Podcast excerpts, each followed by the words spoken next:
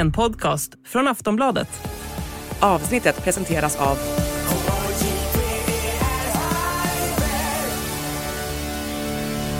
Stödlinjen.se, åldersgräns 18 år.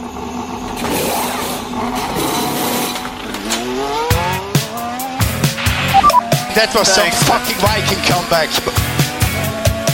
Debris uh, behind. There's something strange with the engine. What the? What the? Yeah, what is this tractor? What is this tractor on track? Suck my man. Get my claps and steering wheel. Steering wheel. Claps and steering wheel here. Hej och välkomna till Plattan i mattan avsnitt 86 efter USAs GP på Circuit of the Americas. Anna Andersson, du sitter i eh, handbolls... Eh, utklädnad tänkte jag säga, men det kanske är vardagsklädsel för dig. Du, det är träningsklädsel. Har man haft träning, eh, hunnit eh, hem snabbt, eh, ska iväg och hämta på nästa träning så hann man ju inte byta om innan. Jag vill ju vara i tid till våran podd. Eftersom du är på semester så fick jag ju anpassa mig va? Mm, det får, fick bli en eh, kväll. Jag sitter här på en cypriotisk eh, halvsvaj lina. Jag har kollat på racen varje morgon, har liksom börjat med frukost, sitta och glo på race vid poolen och sen har jag varit ute och liksom, jag har tagit semester för att liksom träna och göra grejer som jag inte har tid med annars. För att jag har en eh, jävla månad framför mig, tror jag i alla fall, när jag ska ut på vägarna med Marcus Leifby och eh, hålla på med en jävla massa hockey. Så eh, därför behövdes en liten liksom uppladdningsfas här för mig. Därav sitter jag på en halvknackig lina eh, någonstans på Cypern. Men vet du en annan sak som är jävligt sjuk? Nej, Kolla vad jag har här, fra- kolla vad jag har här framför mig. Cashew, det här är? cashewnötter. Ja, och det här, jag vet inte om du vet det, men jag vet inte om, det kanske är bara de som känner mig som vet, att jag har, det här är så jävla sjukt, jag har i hela mitt liv varit så jävla allergisk mot saker och ting. Alltså när jag var liten var jag allergisk mot i princip allting liksom. Försöka liksom substitutmat för typ allt som fanns. Och sen har jag haft massa allergier som har hängt med hela livet. Och nötter är ju en sån grej. Va? Jag har fått åka ambulans och fått sprutan inkörd i låret och många, liksom, många timmar av mitt liv har blivit förstörda på grund av nötter. Här om sistens så var jag och gjorde ett pricktest för första gången sedan 90-talet. Där det visade sig att jag fick negativt utslag på cashewnötter. Vilket var en sån jävla sensation. För att då sa de till mig, antingen så är det så att eh, eh, ja, du inte är allergisk mot cashewnötter, men allergisk mot alla andra nötter, för det blir ju massa utslag på alla andra nötter ser vi här. Men det kan också vara så att du aldrig någonsin i ditt liv fått i, i dig en cashewnötsmolekyl, vilket gör att din kropp aldrig har fått bygga antikroppar mot det. Så om du vill så kan du ju småtesta lite, se om du kan äta cashewnöt. Och här har jag gått då i 34 år utan att käka cashewnötter. Och så då testade jag en cashewnöt eh, för några veckor sedan, höll den i munnen utan att tugga på den, väntade i någon liksom, timme. Sen efter två timmar så hade jag ätit en cashewnöt. Och nu har jag upptäckt att jag kan äta cashewnötter. Så jag häller i mig cashewnötter för att ta igen alla missade år av inte cashewnötsätande. Det känns ju som att eh, det är bra att boosta kroppen då så att de har, hoppas att de har bra eh, sjukvård på Cypern. Ja, det hoppas jag också. Men alltså det här är inte min första påse cashewnötter. Jag börjar nästan lite så här fundera på, vad kan, kan det hända att de har käkat för mycket cashewnötter eller? Ingen aning. Jag har aldrig käkat så mycket cashewnötter. Jag tycker jag börjar tröttna efter typ två. Så känner man sig som en sån här en ekorre. Nej. Ja, ja, men tänk att du i hela ditt liv har fått höra att du inte får äta. Och sen helt plötsligt så vänds det upp och ner. Det var som när jag, när jag var i LA och fick reda på att jag inte var allergisk mot avokado längre och klämde i mig en avokado om dagen. Har jag sagt det förut? Eh, jag vet inte, ibland pratar du väldigt mycket så jag sparar liksom inte alla tankar som du häver ur sig. Utan jag, jag, vänt, jag väljer liksom vissa och så väntar jag på att jag äntligen ska få prata om Formel 1. Ja, det är exakt det som sker nu, ser jag här bakom skärmen. Anna kollar på klockan. Fan, hur ska vi hinna med det här Formel 1-snacket när det blir en fem minuters jävla utläggning om cashewnötter och cypriotisk sjukvård? Vi gör väl så att vi tar oss in i Formel 1 direkt då, Anna, eller hur? Ja, tack. Okej, och då är det så här att vi kommer ju eh, här i en, eh, sprinthelg. Det har nyss varit sprinthelg, men det var sprinthelg igen eh, nu på Circuit of the Americas. Där vi således har alltså haft fredag, lördag, söndag med massa action. Eh, men vi måste väl ändå börja på liksom den största snackisen av dem alla och inte börja kronologiskt utan vi börjar med diskningen av Lewis Hamilton och Charles Leclerc efter söndagens race där Lewis Hamilton var så himla nöjd med eh, nya golvuppdateringen hos Mercedes som ledde honom till en andra plats i racet och han faktiskt hade stor chans att kunna utmana Verstappen om segern. Men efter att eh, de hade gått i mål så gjordes det fyra tester av plankor och där rök Hamilton och Leclerc. Vad handlar det här om egentligen, Anna? Å ena sidan så handlar det ju om att det kändes ju som att man blev blåst på hela racet, för det spelade ju faktiskt ingen roll i slutändan. Hela den här fighten som man verkligen suttit och, och njutit av och laddat upp för om och kring och nej, så blir det bara ingenting. Det känns ju som att det är någon som häller en hink iskallt vatten på en. Så det blev jag ju otroligt besviken på, för jag satt och funderade inför det här samtalet här, vad ska vi prata om? Ja, men det finns ju inte så mycket Nej men det finns ju ingenting jag vill prata om, för det jag ville prata om det, det är ju bara historia. Det kan vi bara kasta ut genom eh, fönstret. Alltså det känns som att allt det som jag hade förberett igår kväll när jag satt och höll på och som, så som hjärnan jobbar liksom efter racet. Vad ska vi prata om imorgon? Vad är intressant? Vad är spännande? Det var bara borta. Åh, oh, vad besviken jag blev på det. Eh, men vad handlar det om? Jo, ska vi göra, ta vi tar den enkla versionen va? Jag tar en medelenkel halvsvår. Medelenkel halvsvår. Ja, men då kan vi säga så här att det finns ju då ett tekniskt regelverk. Och det finns en artikel som heter 3.5.9. Om jag har fattat det rätt så är den typ 23 punkter lång och eh, eh, två sidor, den här delen som handlar om, om om golvet. Men kort beskrivet så är det så att golvet måste vara 10 mm tjockt. Plus minus 0,2 mm om det är nytt. Men när man har slitit på golvet och använt en stund så får det vara 9 mm tjockt. Och Fia har ju då mätt golvet och upptäckt att eh, Hamiltons och Leclercs de här plankorna då, de var ju inte så tjocka som de skulle vara om det var nytt. Men nu är det ju så att de har ju kört de här på en träning när det var lite bränsle i bilen, ett sprintkval, ett vanligt kval först och sen ett sprintkval och en sprint och sen ett race. Men det är ju ett nytt golv och det håller sig ju inte i de här väldigt tydliga reglerna som finns. Alltså så diskas Charles Leclerc och Lewis Hamilton. Men det som jag kan tycka är problematiken i det här, det är ju att den här banan som vi är på i Austin, Texas, den är ju byggd på våtmark. Det gör att underlaget flyttar sig lite. Den är väldigt hoppig och väldigt guppig överallt. Det såg vi också. När man, när man tittar på racet så är det ganska tydligt. Tänkte du på det, hur mycket de hoppade? Mm, jag både tänkte hur jag såg det och sen hörde jag alltså, inför att det var väldigt mycket prat om just att den var byggd så här, att det var olika om det var varmt eller om det regnade, att asfalten liksom expanderade och drog ihop sig väldigt mycket just här. Mm. Ja men det är ju så, själva grunden ligger kvar men det blir lite buckligt på olika håll och kanter och det där slår ju i golvet då naturligtvis. Och när man då dessutom har så lite tid på sig mellan sprinten för bil och, och racet, för bilarna är inlåsta i Park Fermé, så hade de ju inte möjlighet att ändra någonting heller. Så att nej, det var ju som det blev liksom. Det går inte, så mycket, att göra, det går inte att göra så mycket åt det. Nej men det, det, är ju två olika grejer här som jag tänker på när man kommer till den här diskningen. Alltså Hamilton gjorde ju sitt bästa race eh, på mycket, mycket, mycket länge och allt såg bra ut och han, han körde ju bra hela helgen. Det var ju, det var ju liksom ett, eh, det var ju en fin amerikansk helg för honom.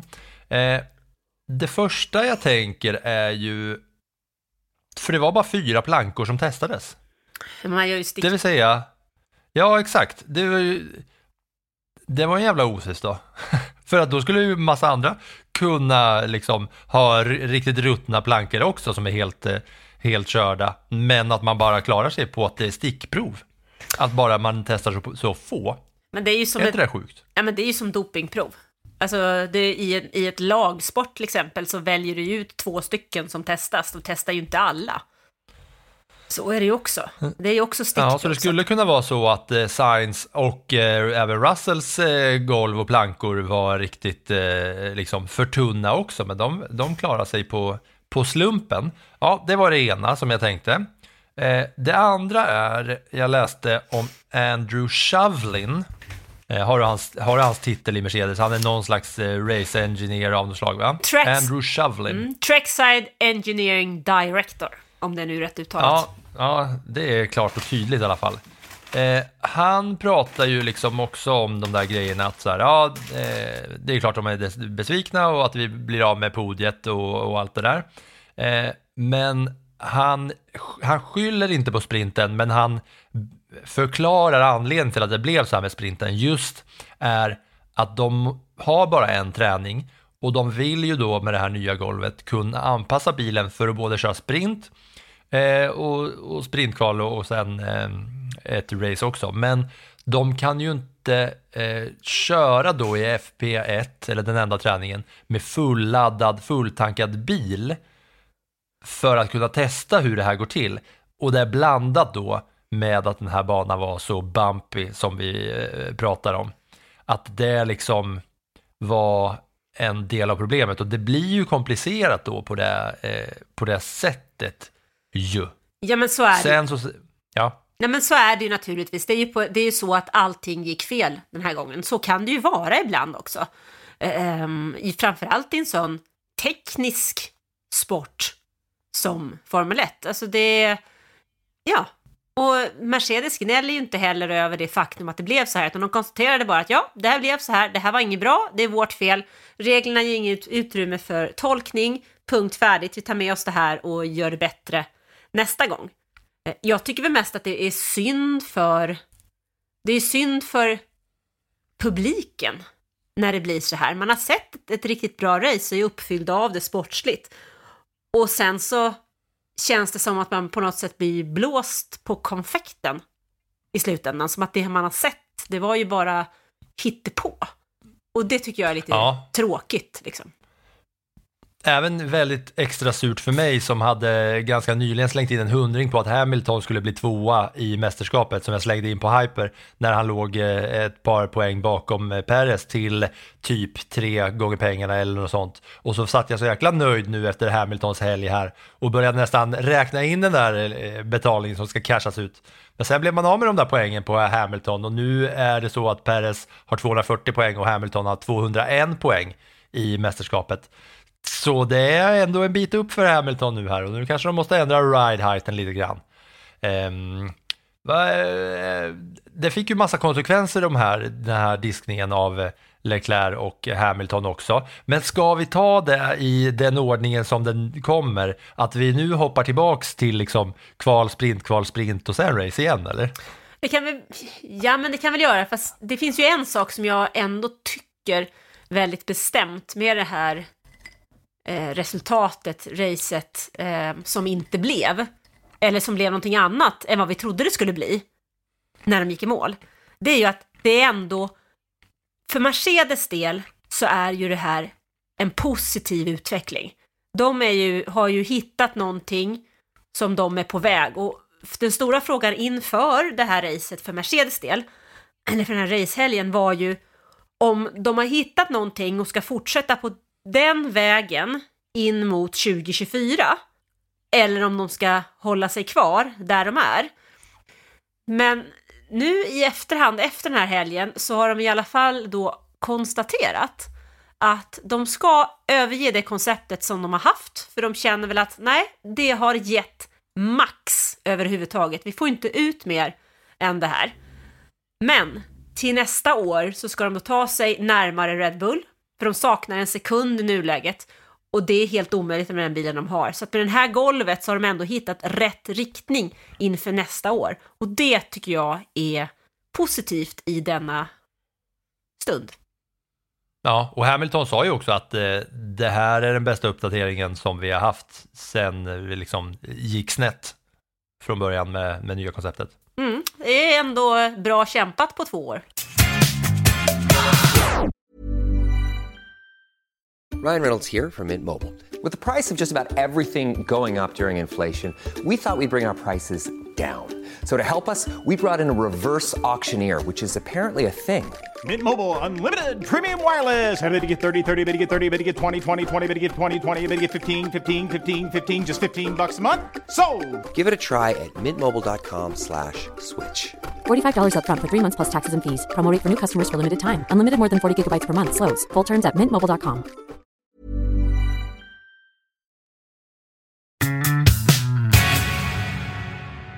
Och när vi är inne på Hamiltons körning, som ändå var bra, så var det ju så att på sista varvet så var han ju nära att eh, köra ikapp Verstappen ändå. Man kände ju att det kommer inte riktigt bli så, men han tog sig ändå närmre och närmre fram tills den stunden att Verstappen hamnade i, så att han fick DRS när han skulle varva då, jag tror att det var Kevin Magnussen. Och på det har vi fått en fråga från Vilma Hyrqvist som skriver Hej, har en fundering, fråga angående F1 ni gärna får ta upp i eran podd. Får man använda DRS på varvade bilar? Till exempel om ettan ska köra om 20 bil, får den då utnyttja DRS på den eh, bilen framför? Eh, om man såklart är inom en sekund.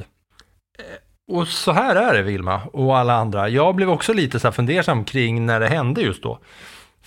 För att man får ju det på varvade bilar. Och den här stunden då på sista varvet, eller om det var näst sista, så såg man ju att Hamilton tog in, tog in, tog in, tog in, fram tills de kom på en lång raksträcka där Verstappen då var inom en sekund bakom eh, en bil som skulle varvas, men inte Hamilton. Så på den raksträckan så drog eh, Verstappen ifrån och Hamilton hann inte eh, med. Det hade han väl inte gjort kanske ändå heller. Men som svar på frågan, så ja, alla varvade bilar, samma regler gäller i alla eh, olika typer av race. Om det är i DRS-zon och om man är inom en sekund så ska även bilar som varvas påverkas på samma sätt. Så ja, man får använda DRS på varvade bilar också. Då har vi sagt det. Sen så finns det ju en del att snacka om eh, strategimässigt.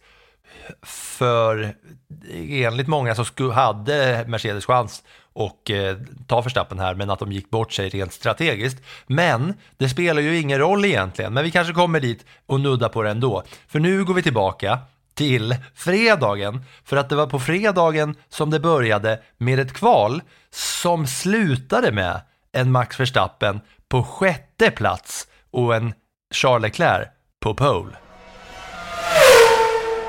Precis. Och här är nästa fråga som jag känner lite grann. Att Verstappen slutar på plats 6.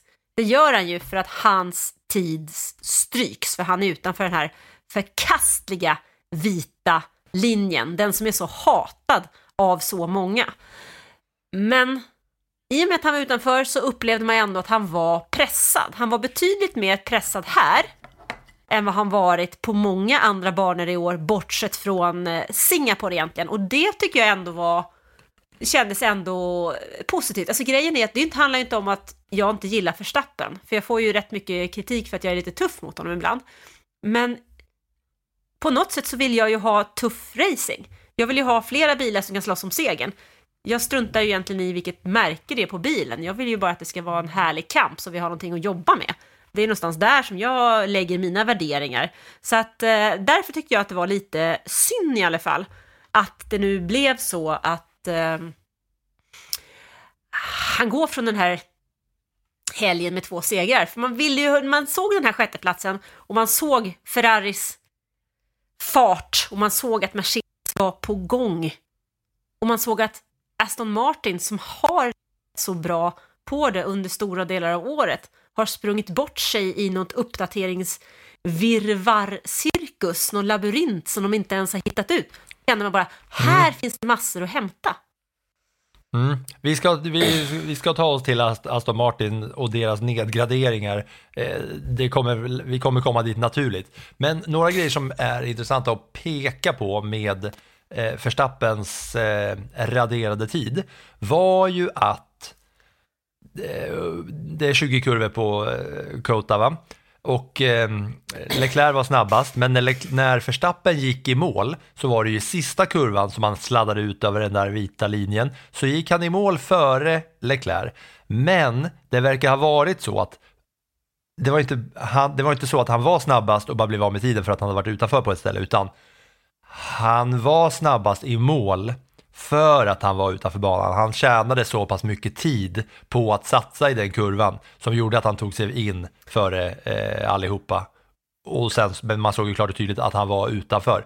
Så Leclerc på pole och Norris på tvåa var ju ändå liksom på hela varvet så att säga. Ja, men det som är härligt också där att se, det är ju att han är så pressad att han gör misstag, att han måste, att Verstappen blir så pressad att han gör misstaget för att han måste satsa så hårt. Han har liksom inte säkerhetsmarginalen. Och det tycker jag också är positivt för framtiden. Ja, det håller jag verkligen med om också. Och sen är det ju så här att den här banan och the bumpiness är ju också så att Red Bull hade ju fått höja sin ride height, alltså höjden på bilen, just för att vara lite safe, vilket kanske ledde till att de tappade lite tid. Men att Verstappen var pressad, det hörde man ju senare också. Det kommer vi väl till igen då in i, in i racet. Va? Men eh, ja, det slutar i alla fall med att eh, Verstappen får sin tid raderad och får starta som sexa. Mycket, mycket sällsynt och uppfriskande ju och Leclerc på pole. Det är ju inte lika uppfriskande för det händer ju titt som tätt. Va? Ja, fast grejen är ju att när Leclerc står på pool så vet man ju att eh, nej, men det där kommer ju inte att räcka in i mål. Nej, nej men exakt. Och eh, så eh, var det ju verkligen. Alonso åkte ut i Q1 för första gången den här säsongen. Ja, alltså, Och där både, ha- har väl att göra med deras uppgraderingar och nedgraderingar hit och dit va? alltså de tog ju en riktig chansning i sin uppdatering. De är ju också pressade, Aston Martin. De har ju inte alls varit eh, i närheten av att hänga med McLaren som har gjort en väldigt, väldigt stark uppdatering. Så att de tog väl en chansning här. Och eh, frågan var väl om, frågan är väl egentligen om det var rätt att ta den vid det här tillfället. För det är ju alltid så att en uppdatering testar du i en vindtunnel. En vindtunnel får du ett visst typ av resultat i. Mm, sen är frågan om de resultaten stämmer överens när du kommer till banan. Och på en bana som Kota där du då har ett någorlunda rörligt underlag så vet du kanske inte, kan du inte jämföra från år till år hur det var, utan det är ju lite flytande i de här våtmarkerna, om man säger så. så att, eh, Men första gången är det väl på nästan ett år, sedan Mexiko 2022, som båda bilarna från Aston Martin försvinner i Q1. Och det var ju verkligen en överraskning, i alla fall för mig. En annan var upp, stor uppdatering kom ju Haas med. Och den tycker jag inte heller gav det som de hade hoppats på och förväntat sig.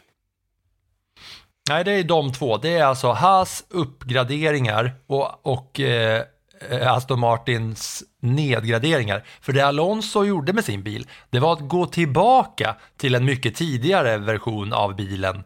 Eh, jag vet inte exakt vilket det var, men det var från mycket, från mycket tidigare av säsongen så har de gått tillbaka till det för att kunna då testa Alonso versus eh, Stroll och sen liksom mäta ut för det. De, de, de sket i princip i det här racet och Ja, det, det, det känns som att nu är det verkligen över på riktigt. Det var en good run för eh, Aston Martin, men nu är det kört alltså. Men eh, ska vi ta oss till sprint shootouten eller vill du säga något mer om kvalet på fredagen? Nej, jag tänkte mest eh, på det du sa om Aston Martin där. Det är ju faktiskt så att um, går han tillbaks till någonting så vet vi ju inte riktigt. Vi fick ju inget bra svar på vad det hade kunnat ge, för det såg riktigt bra ut under söndagen för Fernando Alonso. Så jag tycker inte du ska vara för, du får inte vara för snabb där och Uh, eh, ja, sopa bort dem för resten av säsongen för att han är en lurifax, en räv, eh, har bakom varje öra har han den där mannen och eh, det såg ju lovande ut på söndagen trots, eller ända fram till dess att han tvingades bryta. Så att var inte för snabb där. Nej, jag kollar ju på staplar och pinnar och diagram och grejer för man ser hur det går rätt, rätt ner i källaren egentligen om man jämför med hur det var i början. Men det är klart att de kan hitta det på samma sätt som McLaren har hittat det va. Eh, nu tar vi eh, lördagen och sprint, det blir alltså en sprint, en hel sprintdag på Circuit of the Americas. Sprint shootouten, det, det som jag reagerade mest på var att de ändrade reglerna efter att Verstappen hade fått sin tid raderad i sista kurvan. Så att nu var det inte samma smala linje, nu var det en mycket bredare linje som gjorde att man kunde ta kurvan som Verstappen tog den i sista egentligen. Ja, det fattar jag faktiskt inte alls. Alltså förarna gnäller, teamen gnäller, då ändrar vi reglerna. Har det hänt i fotboll eller? hockey, handboll, basket. Folk gnäller på någonting och så ändrar man regeln. Vad är det? Mm, det, kände, det kändes eh, lite svag ryggrad och det blir ju extra intressant att det är i affekt av att världsmästaren blir av med en tid och det skiter sig för honom och sen så helt plötsligt är linjen längre eller bredare dagen efter. Det, eh, jag hade svårt att förstå det. Det är väl bara fan, låt det vara. Eh, nu vi har börjat. Det, det är så många gånger, det här chock- chockerar mig fortfarande i Formel 1, där man ändrar så mycket saker under säsongen. Ja, Där saker och ting liksom bestäms så här, ja vi börjar säsongen, så här ser regelverket ut, men det kan ändras från ena dagen till nästa dag egentligen. Vilket är jävligt, det är som om man skulle börja införa VAR mitt i säsong Ja, men här i är det, fotbollen. ja, men här är det ju ännu värre. Det är ju inte så att de, de inför förändringen mitt under säsong, utan de inför den mitt under tävlingshelgen. Ja, ja, det är ju, ja, men det är också många gånger som de har ändrat på saker och ting mitt under säsong med andra saker och ting när de liksom så här, ja, men inför olika, olika typer av eh, regeländringar. Men här är det ju också, det är som du säger, det är mitt i helgen. Men det är på något sätt så här, tänk er fotbolls-VM, exempelvis. Nej men vi flyttar straffpunkten. Vi lägger den inte på, vad är det, 11 meter? Nej men vi lägger den på 13 istället.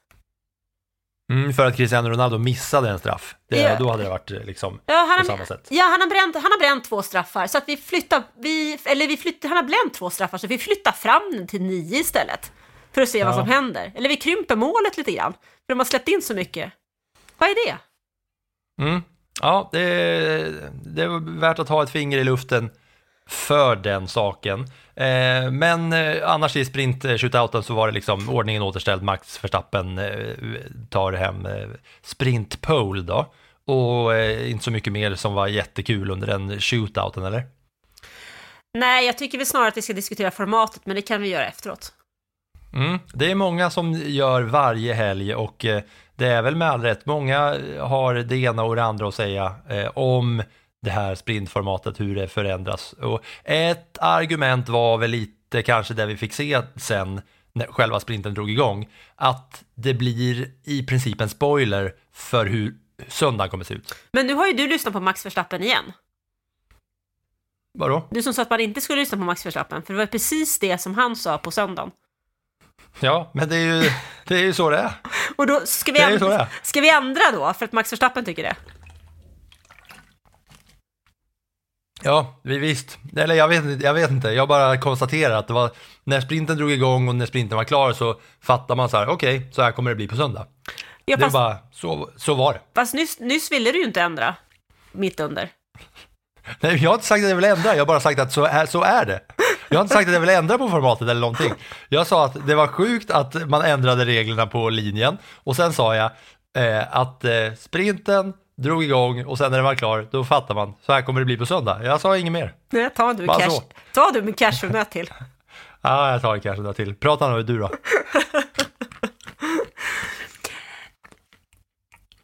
Ja, men vad sjutton. Det kändes ju som att den här sprint shootouten på något sätt var lite förutbestämd. Alltså vi hade Verstappen i pole position, vi hade Leclerc som tvåa, vi hade Hamilton som trea. Alla vet ju att en Ferrari håller ju inte däcksmässigt överhuvudtaget. Ehm, I 100 mil. Nej, nej Heller. 100 mil. Nåja.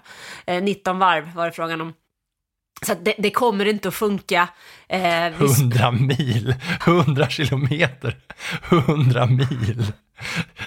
det, är bra att du kommer på, du, det är bra att du kommer på det själv i alla fall. 19 varv. Ja, men det- är matematiken, det är, det är ändå det genomgående här att jag, jag lyckas inte skitmycket med matematiken. Men 100 kilometer är det ju, det är det som det är va? Det är 10 mil, det vet jag. Precis. Nej men det som är, det är väl också så här, så startar liksom 19 av 20 bilar på medium. Den enda som kör soft är Carlos Sainz, så alla förstår ju att det där däcket kommer vi inte kunna använda under söndagen, för det var ju eh, rätt till råttorna. Så att eh, då hade vi en eh, en Ferrari på startposition 2 som tappade till en Mercedes och sen hade vi ytterligare en stackars eh, Carlos Sainz som sladdade runt. Visserligen var han lite bred ibland med sina softs så det insåg vi att det där är ingenting som vi ska ha och, och arbeta med framöver. Och sen hade vi en George Russell som såg väldigt ut som att han inte alls trivs på Kota. Så det är klart att man kände ganska tydligt att hmm, ja, söndagen blir nog en förlängning av det här.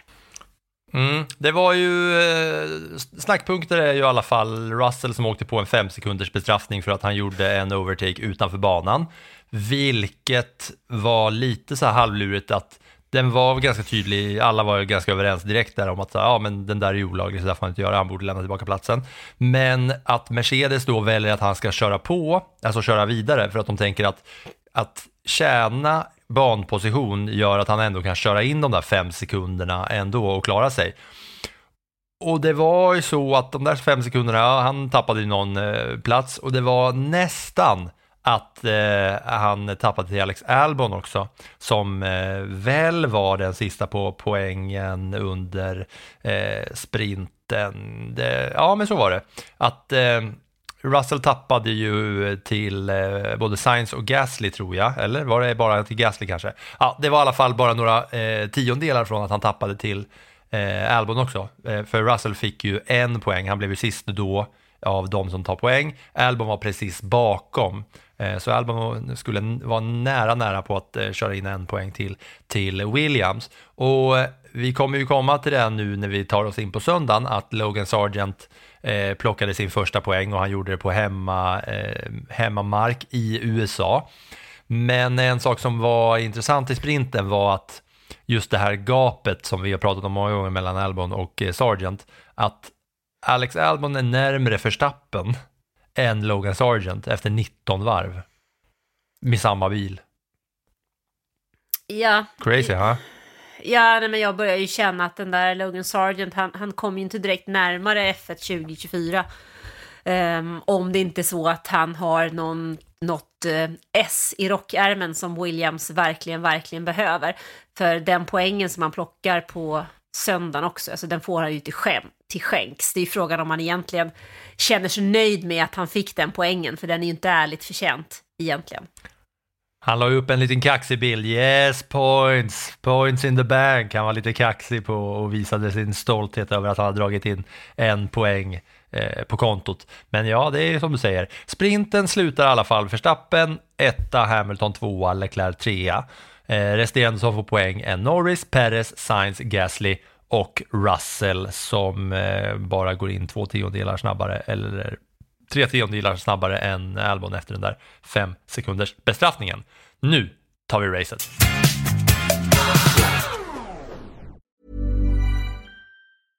Ryan Reynolds här från Mint Mobile. priset på nästan allt som går upp under inflationen, trodde vi att vi skulle bring våra priser down. So to help us, we brought in a reverse auctioneer, which is apparently a thing. Mint Mobile unlimited premium wireless. Ready to get 30, 30, bit to get 30, bit to get 20, 20, 20, bit to get 20, 20, bit to get 15, 15, 15, 15 just 15 bucks a month. So, Give it a try at mintmobile.com/switch. slash $45 up front for 3 months plus taxes and fees. Promo rate for new customers for limited time. Unlimited more than 40 gigabytes per month slows. Full terms at mintmobile.com.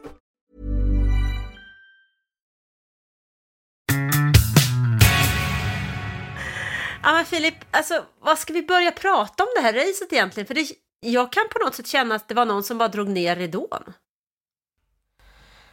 Ska, ja. Det... Kommer ridån ner eller kommer ridå från sidorna på en, på en scen? Bioridå åker upp och ner va? Men teaterridå kommer från höger och vänster?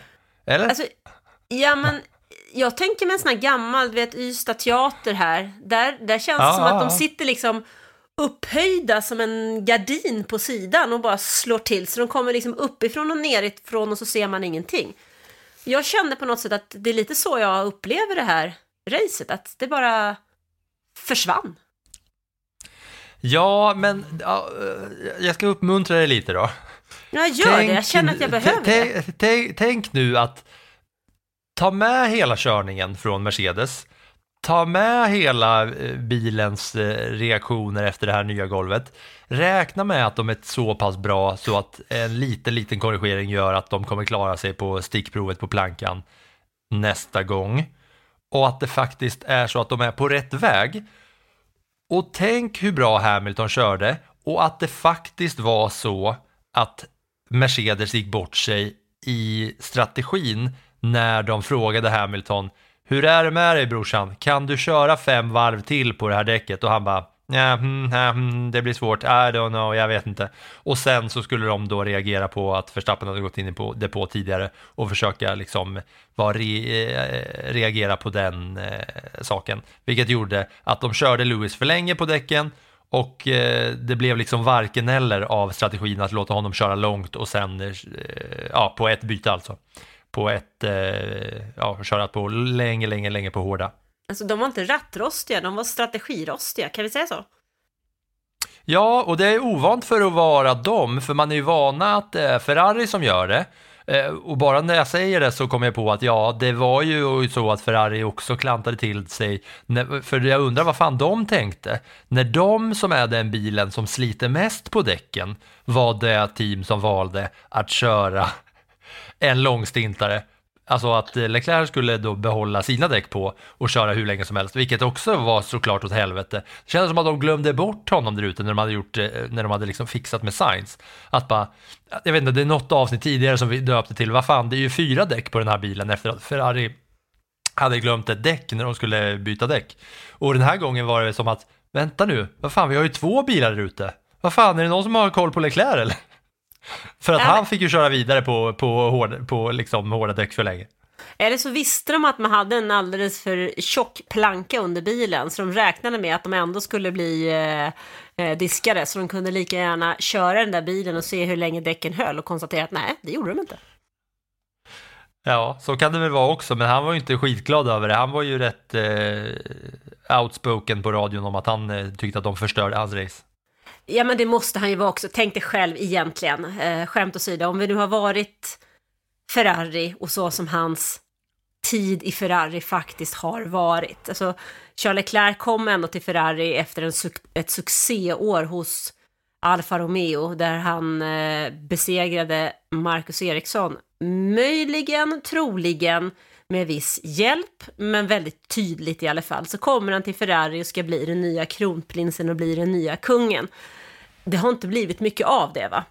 Istället så har han liksom blivit bortkörd, bortkörd, bortkörd om en massa märkliga saker. Allt ifrån att de har eh, haft fler, fel blandning i tanken, vilket gör att de har fått förändra saker och ting, till att de tar märkliga strategibeslut, till att det är saker som bara inte fungerar. Så det är klart att han efter sina år hos Ferrari nu är rätt frustrerad, för det var inte därför han kom dit.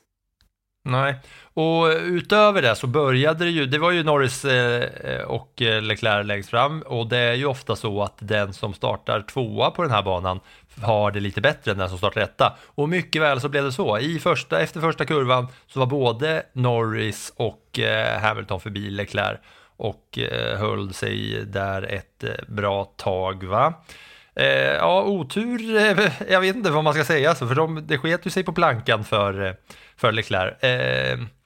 En annan grej då, apropå starten, Verstappen som startade sexa, eh, som sagt, det är vi ju liksom inte bortskämda med att ha Verstappen mitt i fältet. Han kör ändå upp och vinner det här och det var lite så att det här racet vanns och förlorades i depån, känner jag när jag tänker på Verstappen. Eller, det är lite olika grejer som jag, som jag tänker och känner när jag är på det här racet och Verstappen och Hamilton och, och allt sådär. Nu blev ju Hamilton diskad så det spelar ingen roll, men om jag bara tänker på hur det liksom, hur det liksom körde, kördes, om man bortser från den här diskningen och tänker att det handlar om så pass lite som eh, någon jävla halv millimeter hit eller dit. Det kan ju vara för fan två stycken bumps, alltså två stycken när liksom Hamilton duttar bilarslet i i golvet som gör att det här sket sig liksom. Hade han liksom svängt en, en halv meter åt vänster en gång när det var ett gupp så kanske han hade klarat sig. Men jag tänker också så här va, att om det inte gick att slå Förstappen nu, för han, hade ju, han var liksom pressad, de hade höjt bilen, det var lite så här, hur ska det då gå? Här hade de liksom allt, alla förutsättningar, alla stjärnor och allt jävla skit stod ju i rätt riktning, vad man kanske säger. Det är något annat man säger. Men eh, Verstappen klagade ju på bromsarna hela tiden också. Det verkar ju ha varit ganska mycket problem. Han kändes lite pressad. Han skrek på eh, GP hela tiden om att eh, han blev störd i inbromsningarna med bromsarna som inte funkar. Men ändå är det ingen som kan slå honom. Nej, just nu så är det kanske inte det. Jag är lite spänd på det racet som kommer i Brasilien om en eh, två veckor, för det var ju där som Mercedes var så otroligt bra 2022. Eh, det var också där som Lewis Hamilton gav sig själv chansen att ens vinna en VM-titel 2021. Så tror jag, är det någon bana där det skulle kunna vara så att de faktiskt får se sig besegrade så tror jag att det är Brasilien där också vädret kan spela in. Men till syvende och sist så handlar det om att Max Verstappen är en fantastiskt duktig förare. Framförallt så är han en otroligt duktig förare i den bil som Red Bull har tagit fram till honom. Alltså det, det är ju så att det är ju som hand i handske. Jag vet inte hur, det är en perfect match. Alltså det är, de funkar så otroligt väl tillsammans och framförallt så är det ju så att han har vunnit det han ska vinna. Han behöver ju inte det är klart att han vill vinna naturligtvis, men han behöver ju inte ha den inre pressen som kanske många andra förare har. Landon Norris, han jagar sin första seger. Charles Leclerc jagar en nedförsbacke för Ferrari.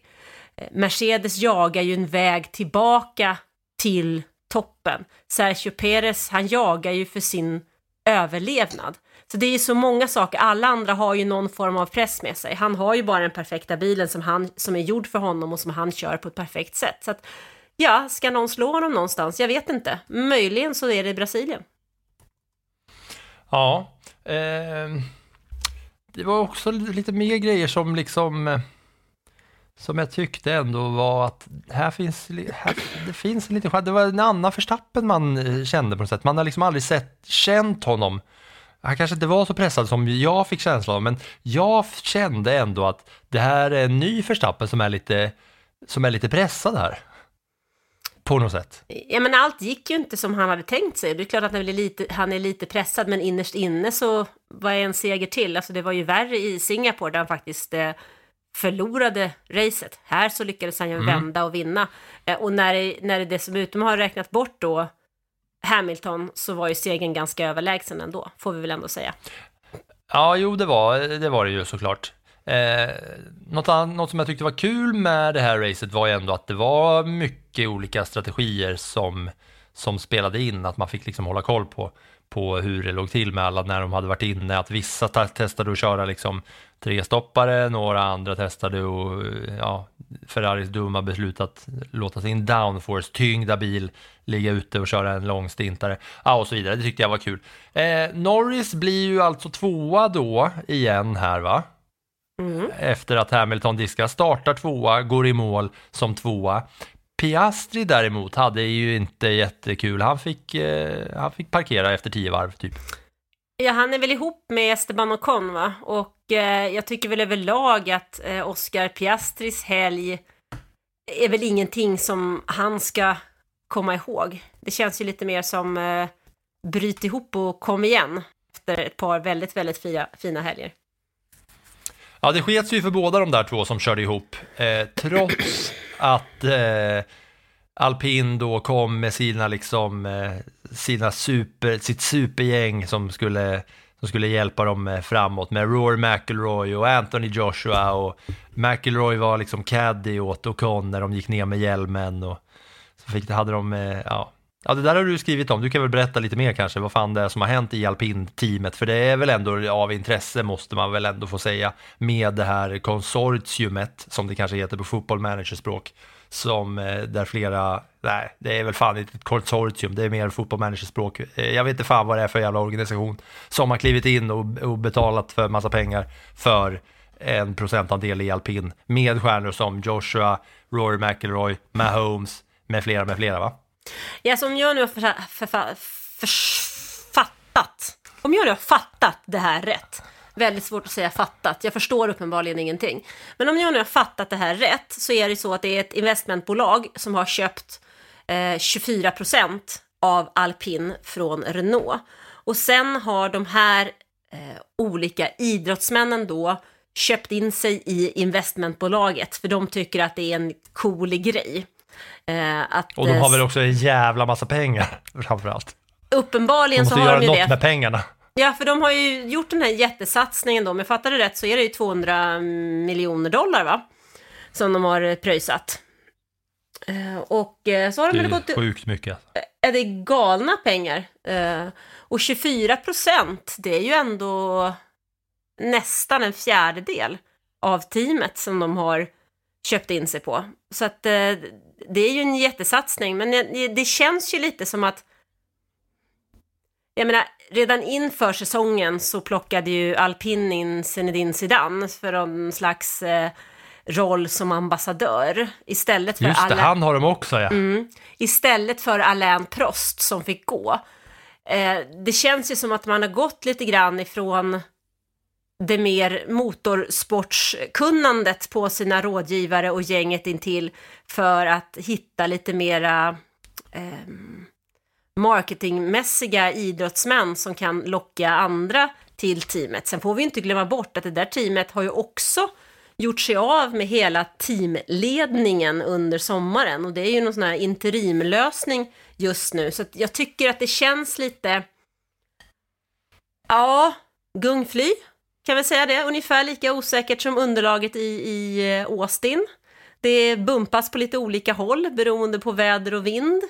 Så att jag vet inte riktigt, det där kan ju bli en jättesuccé, men det kan precis lika gärna bli precis tvärtom. Mm.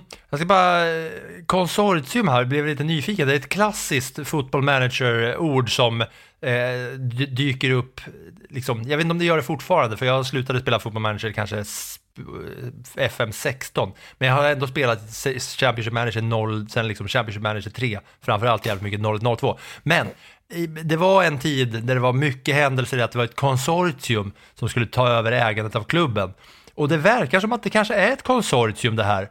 Konsortium av latin konsortium, sällskap, gemenskap, bildad sammanslutning, ibland formell genom avtal, av och mellan personer eller företag för att göra en gemensam affär, ha gemensamma vinstintressen och så vidare. Låter det inte som att det här är eller?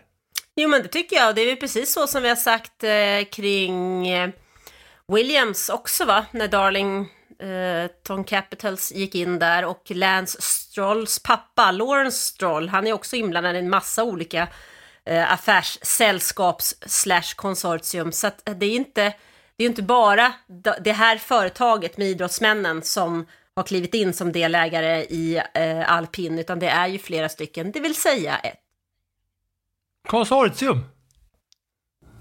Det undrar ju. Okej.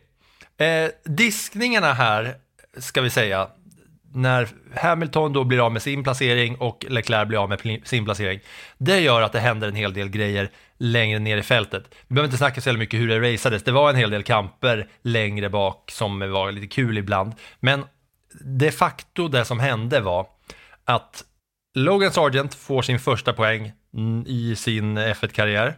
Kanske sin sista också va? Inte otroligt. Nej. Eh, och eh, Yuki Tsunoda dubblar Alfa Tauris poängskörd den här säsongen genom att han flyttas upp och att han dessutom tog snabbaste varvet. Mm. Den där var en sån här liten kul grej, för han gick in på slutet, satte på soft och snodde snabbaste varvet och vi trodde han var 10 och tänkte, jaha vad kul, två pinnar. Nu fick han ju alltså fem poäng och plötsligt så är ju Alfa Tauri då inte alls långt efter Haas. För nu har Alfa Tauri 10 poäng i konstruktörsmästerskapet. Haas har 12.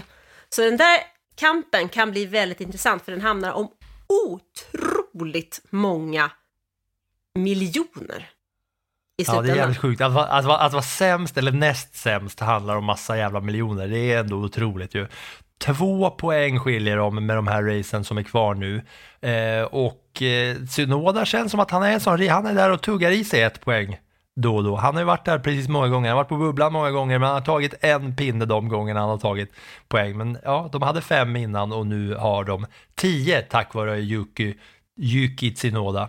Ja, men grejen, Eh, är att, grejen är att plockar han fem till, ja men då är han bara en poäng efter Alfa Romeo som är åtta. Så jämnt är det. Det känns så jävla sjukt, man kollar på Alfa Romeo här. Hur fan har de tagit poäng? Det känner jag när jag ser deras 16 poäng. Hur i hela fridens namn har Alfa Romeo 16 poäng?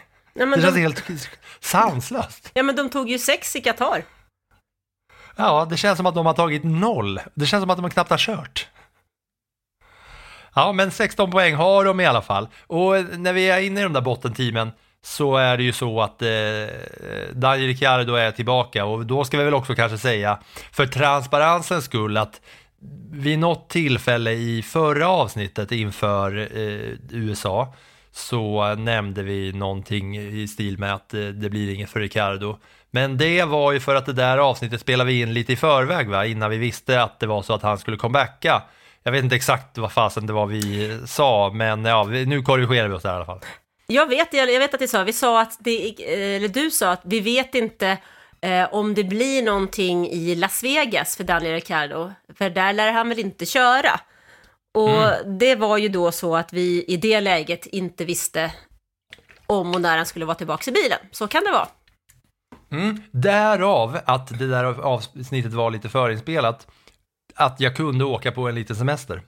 För att när vi har den möjligheten så har vi gjort sådär va. Nu, en annan sak som jag kommer ihåg att vi sa i vårt inför USA-avsnitt var ju att eh, jag pratade om att de hade lite room for improvement med sin nationalsång. Men såg du vilket fint framförande det var med en ensam akustisk gitarr högst uppe på pinnen på Circle of the Americas? Såg du det Anna? det Alltså, kändes jag- som att de hade hört mig.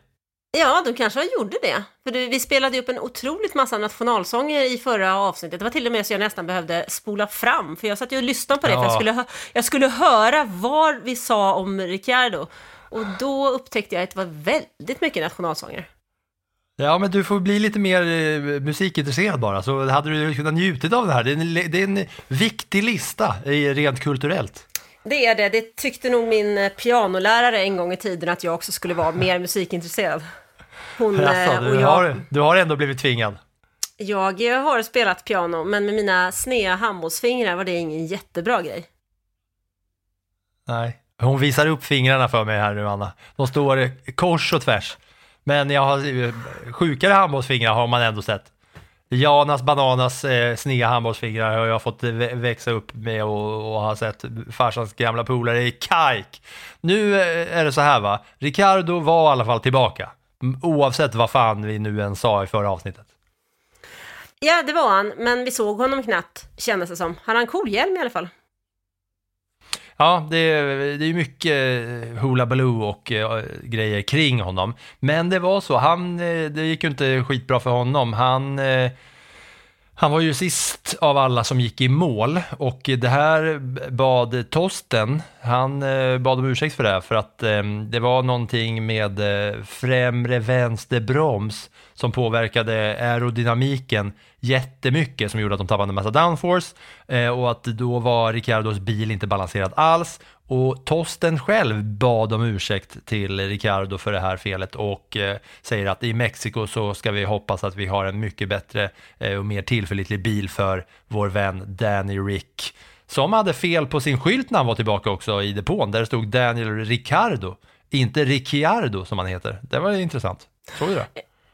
Eh, ja, det noterade jag eh, faktiskt. Men det som jag tycker är intressant med honom när du nu tar, tar upp honom, det är ju att jag såg eh, en intervju eh, på, i tysk tv eh, med eh, doktor Helmut Marko. Där var han otroligt tydlig med att eh, vår vän Daniel har fem race på sig att bevisa sig. För vi sitter ju fortfarande i ett läge där Red Bull har fem förare till sina fyra förarplatser.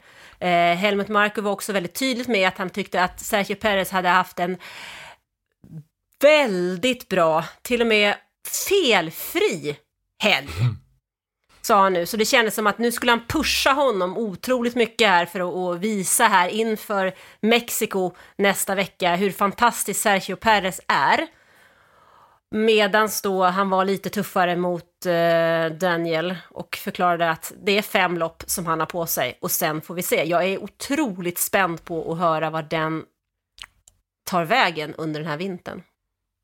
Mm. Jag tror ju att Perez och Ricardo ryker båda två all världens väg, men det spelar ingen roll vad jag tycker och tror. Något som spelar roll vad du tycker, Anna, det är vad du ska tycka i dina plus som kommer nu.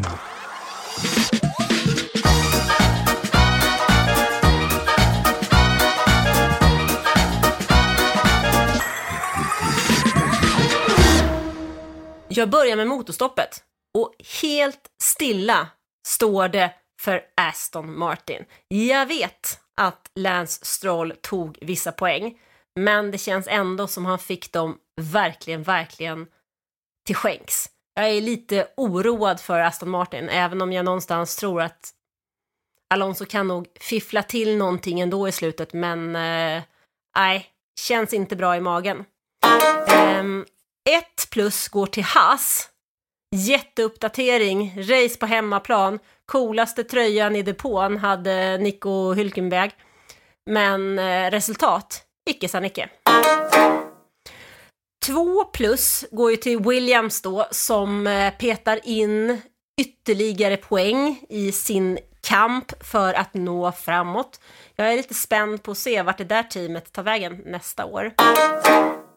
Tre plus går nu då till eh, Alfa Tauri för att eh, det räcker med några småpinnar här och var va? Så länge Haas gör som vad de gör. Så snart är de förbi. 4 plus går till eh, Mercedes ändå, för jag tycker att det finns en tendens, en tydlig positiv tendens för Mercedes, vilket skulle vara positivt för F1, för vi vill alla ha en fight som 2021. Och 5 plus går till Max. Spelar ingen roll att han missade lite grann i kvalet i fredags. Han var bäst i alla fall. Tack för det. Eh, jag tänkte bara på Haas där och Alfa Tauri i kampen. Alltså, det känns ju inte som att Haas är på väg uppåt trots de här eh, stora förändringarna, som, eller uppgraderingarna som de kom med. Så eh, om man får gissa något nu så gissar jag på att Alfa Tauri kommer ta sig förbi Haas den här säsongen. Nej, och så att då får vi ju se vad Gene Haas, Haas går till nästa säsong. Det pratas väldigt mycket om att Alfa Romeo ska in i det där teamet. Men vad händer då om man tappar i slutet av säsongen och det försvinner en massa pengar? Vad händer med teamet då? Mm. Nu tar vi småstats.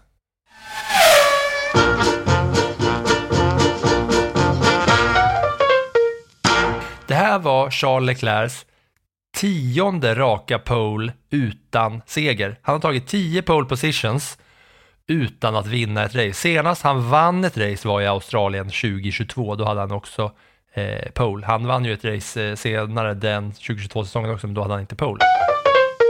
Eh, någonting annat med Ferrari är ju att Sainz, han är bra på att få podiumplaceringar utan att få gå upp och ställa sig på podiet. För det här var tredje gången som eh, Sainz kom på en podiumplacering, men han fick inte stå där. Det har hänt i Brasilien 2019, Ungern 2021 och Texas 2023. Det är rätt sjukt va? Att i efterhand så blir han, liksom, han, han blir blåst på konfekten. Han också, precis som vi. Ja, dubbel eh, Ystads teaters ridå på honom. Och sen är det en eh, liten Red Bull-rackare här. Om, vi kan väl kanske se det som en jinx då, om Red Bull inte får några tekniska problem som leder till DNF, alltså att de inte går i mål, så är de det enda teamet under hela turbohybrid-eran att inte en enda gång få teknisk problem som gör att de inte går i mål. Fyra chanser kvar va? Sjukt va? Ja, den är sjuk.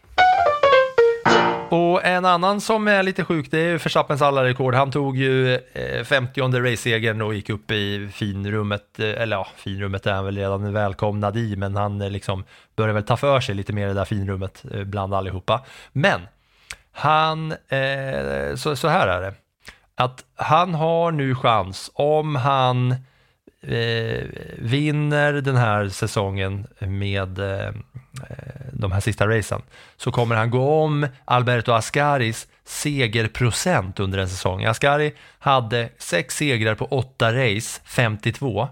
Och eh, vilket leder till 75% segerprocent av alla race-starter.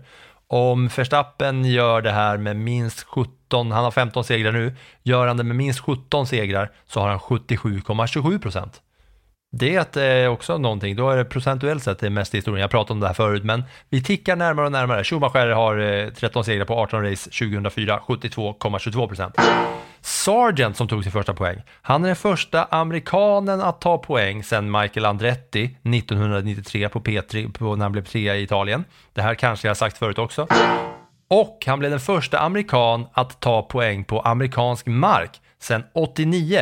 Eddie Cheever som blev trea i Phoenix. Eddie Cheever, det är ett jävla namn.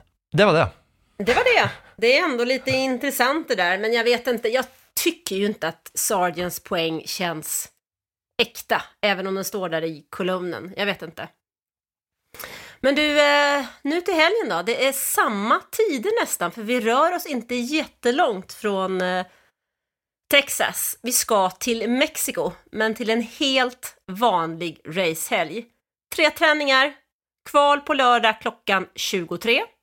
Givetvis finns liven där. Det var otroligt bra tryck faktiskt, fast det var sena livekvällar här både fredag och lördag förra helgen. Eh, lite roligt ändå. Söndag är det race start klockan 21. Och vad... Jag tänker Mexiko, jag vet precis vad jag älskar med den banan. Vad eh, gillar du? Eh, jag, vet, jag, vet, inte vad du väntar dig att jag ska säga förutom sombreros och sen den här slutkurvan innanför den här coola, coola läktaren som är som en jävla kokande gryta. Ja, det är ju precis just den. Alltså den kokande grytan och den prispallen i Mexiko, den gör ju också, alltså den gör så himla mycket tycker jag. Just det här när man ser på något sätt som förare så hör de ju publiken i den här grytan när de kör in i den här gamla baseballstadion. Jag tycker det är helt fantastiskt.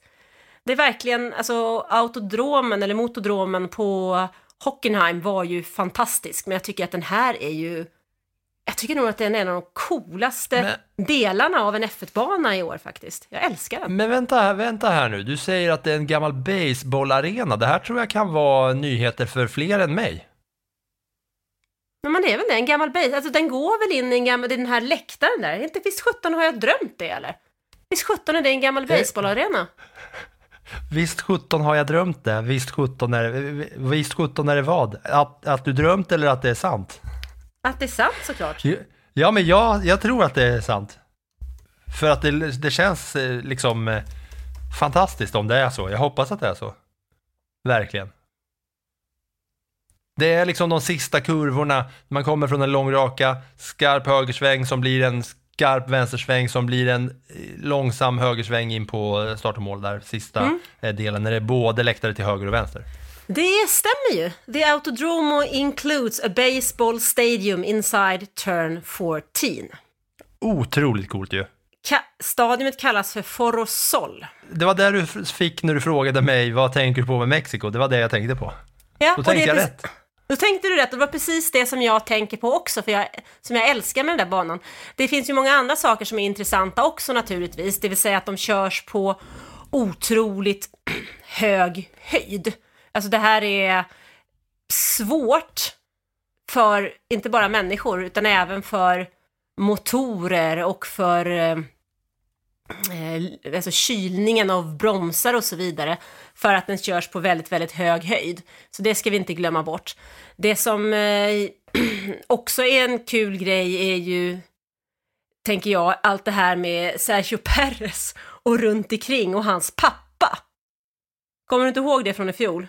Glädjen med pappa per Perez som var överallt hela tiden. Ja, det ser man fram emot. Det är lite andra omständigheter den här gången. 2285 eh, meter över havet är det här. Det är alltså eh, fem gånger så högt som The Twin Towers i Kuala Lumpur har Mercedes valt att jämföra det med när jag söker på eh, faktan hur hög den är alltså. Eh, 2285 meter över havet och det gör ju en hel del med, med tekniken och eh, säkert förarnas eh, fysik också där de är och kör. Eh, det blir kul, Mexiko ju. Det blir riktigt roligt. Jag tycker en, eh, man brukar vara en riktigt härlig helg faktiskt. Och framförallt så glädjen i baseballstadion. Baseball, baseball, baseball. Mycket kul. Innan vi säger tack och hej så vill jag plugga en liten grej som, eh, som vi har gjort på tidningen som har med racing att göra. Jag och tv-spelsrecensent Leo Pettersson har nämligen testat gamingrattar och gamingriggar där vi eh, har då provat allt från liksom billiga modeller och Mario Kart plastiga rattar till de värsta modellerna och dyraste som du kan hitta på marknaden. Om det är så att man är intresserad av att, eh, ja men man gillar F1, man testar racingspel kanske. Så vi satt i en hel vecka och eh, så fort vi hade ledig tid så drog vi ner och så testade vi eh, gamingrattar av olika märken. Eh, där vi har gjort en liten plusguide eh, som kommer dyka upp på aftonbladet.se om man få för sig att man skulle vilja eh, kika på det. Det är lite racing-relaterat. Eh, vi ska köra det någon gång Anna, du och jag ska köra simulator. Hon tittar på mig och hon skakar liksom på huvudet utan att skaka på huvudet. Bara helt, helt i tystnad. Det- ska vi, någon gång ska vi resa du och jag. Nu är det så att eh, Anna måste åka och eh, skjutsa unga fram och tillbaka och hit och dit. Och jag måste packa ihop min packning för att mitt flyg går hem från Cypern 02.25 i natt. Så jag ska packa ihop mitt lilla hotellrum här och eh, röra mig härifrån. Så eh, ni som eh, hänger med oss varje vecka, tack till alla ska ni ha. Eh, och vi hörs efter Mexikos GP. Det gör vi. Tack så mycket. Kör, försi- kör försiktigt nu Anna, hej. Hej hej. That was some fucking Viking comeback. Debris uh, behind. There's something strange with the engine. I need a new pet after that. What the, what the? Yeah, what is this tractor? What is this tractor on track? Suck my balls, man. Get my claps and steering wheel. Steering wheel. Claps and steering wheel here.